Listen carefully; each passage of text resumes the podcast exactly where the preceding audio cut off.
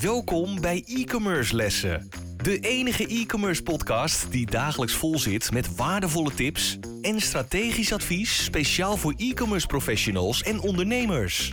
Gegeven door twee ondernemers met vele jaren aan ervaring die hun strepen verdiend hebben in de marketing en e-commerce.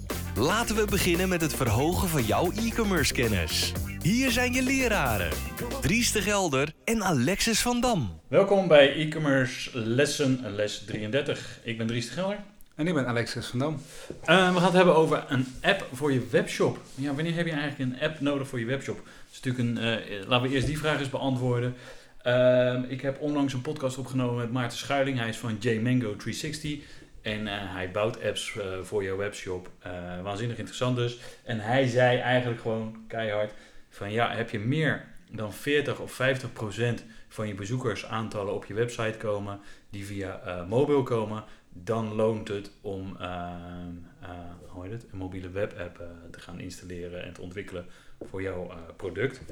Ehm, dat is even de eerste fase. Dus, en wat zijn dan de voordelen van zo'n app? Ja, mensen hoeven niet meer in te loggen. Uh, je kunt ze pushberichten sturen.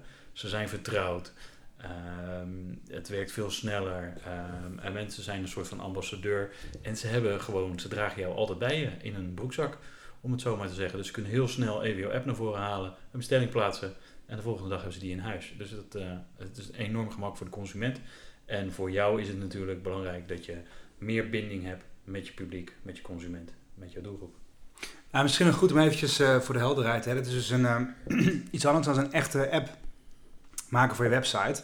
Uh, die je bijvoorbeeld maakt voor iOS of voor Android. Wat echt dan in, de, in die app stores tot, de, tot beschikking of beschikbaar is. Um, maar het is eigenlijk een soort van hybride oplossing tussen een mobile responsive website versus de app. En eigenlijk zit de, de webapp, wat jij net aangaf, er een beetje tussenin. Wat de voordelen biedt van de app, zoals we die allemaal kennen. Maar niet de nadelen heeft van het hebben van een app, van dat je continu moet updaten als er weer eens een nieuwe uh, update komt van het um, operating system. de, de, als je even moet betalen aan de leveranciers. Dus het, het heeft eigenlijk een soort van het beste van beide werelden ineengebracht. Um, en uiteindelijk wat natuurlijk altijd centraal moet staan bij dit soort zaken is... Um, hoe kan je je klanten en je potentiële klanten het beste bedienen? Als dat inderdaad is door zo'n webapp te ontwikkelen... dan is dat zeker natuurlijk iets wat je goed moet overwegen.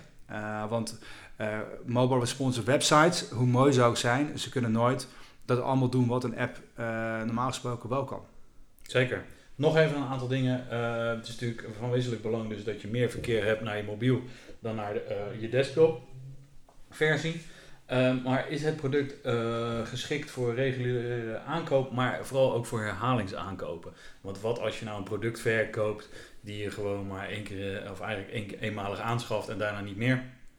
Ja, waarom zou je dan een app gaan bouwen? Want die klant die komt op je website, doet de bestelling en is weer weg en komt nooit meer. Dus dan heeft het ook geen zin om een app te bouwen. Een andere is van, uh, zijn jouw klanten bereid? heb je loyale klanten genoeg om uh, de app te gaan te installeren.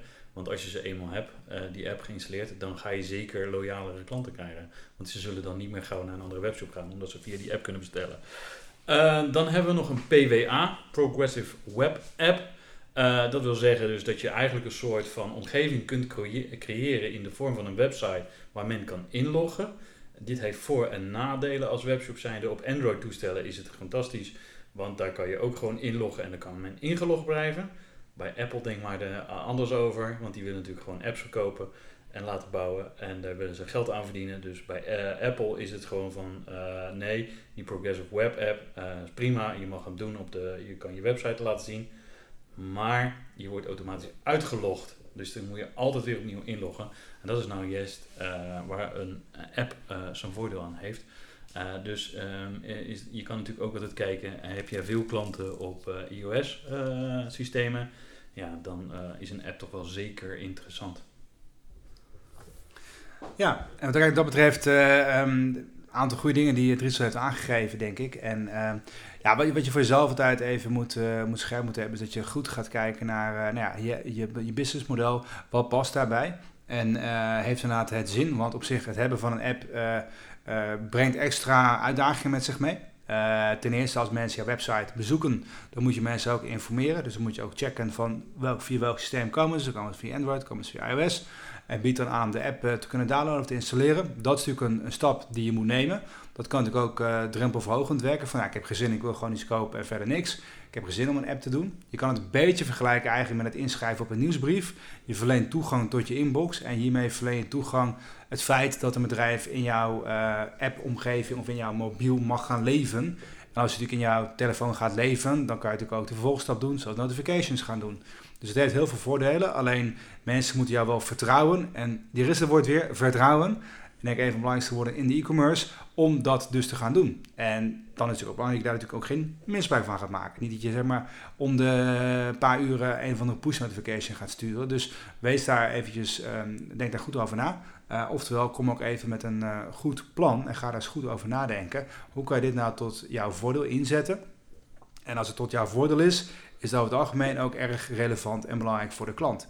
Dat staat natuurlijk altijd uh, voorop. Zeker. Uh, denk ook niet dat je even, als je dus eenmaal een app hebt, dat het gelijk uh, gaat resulteren in extra omzet. Uh, er is eigenlijk een soort van plan hoe je dat het beste kunt aanpakken. Van uh, zes, tot, uh, zes maanden tot een jaar moet je je loyale klanten benaderen om die app te gaan downloaden. En daarna begint het een beetje te komen. Want als je die eenmaal aan boord hebt, al die lo loyale klanten, dan kan je ook gewoon daarna bij de nieuwe bestellingen die app gaan pushen. En dan kan je ook door middel van Google AdWords, als ze dan zeg maar op je mobiele site terechtkomen, kun je ze ook gelijk zeggen: Oké, van hey, download hier die mobiele app. En voordat ze dus die app kunnen installeren, moeten ze al een mailadres uh, invullen en dat soort gegevens achterlaten. Dus dan heb je al gelijk al meer informatie dan wie dan ook. Dus een mobiele app werkt op den duur zeker conversieverhogend. Alleen weet wel waar je aan begint. Het is echt een, eigenlijk een winkel naast je huidige winkel.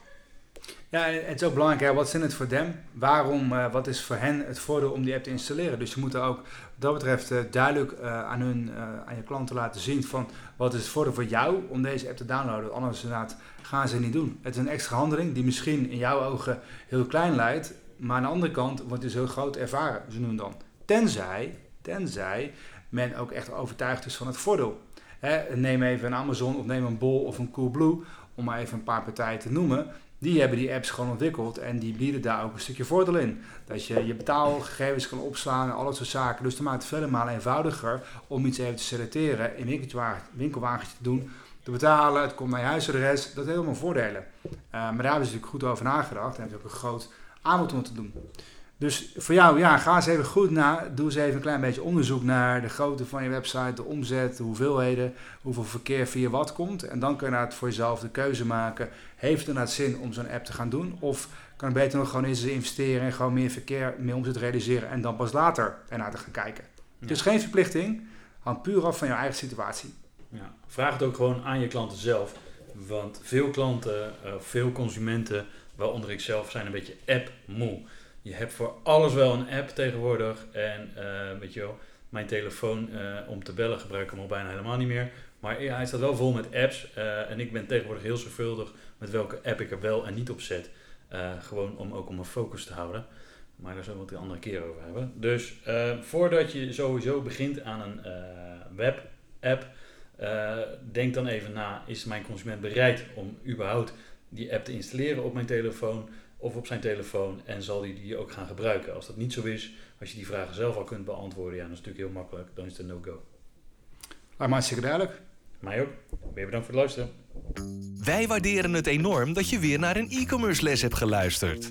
Ga naar e-commercelessen.com voor nog meer interessante content over deze les en schrijf je in voor onze nieuwsbrief voor nog meer succes. Vergeet absoluut geen review te schrijven en je te abonneren op onze lessen. Einde les. E-commerce studenten, jullie kunnen de klas verlaten en vergeet de volgende lessen niet voor nog meer geweldige e-commerce resultaten.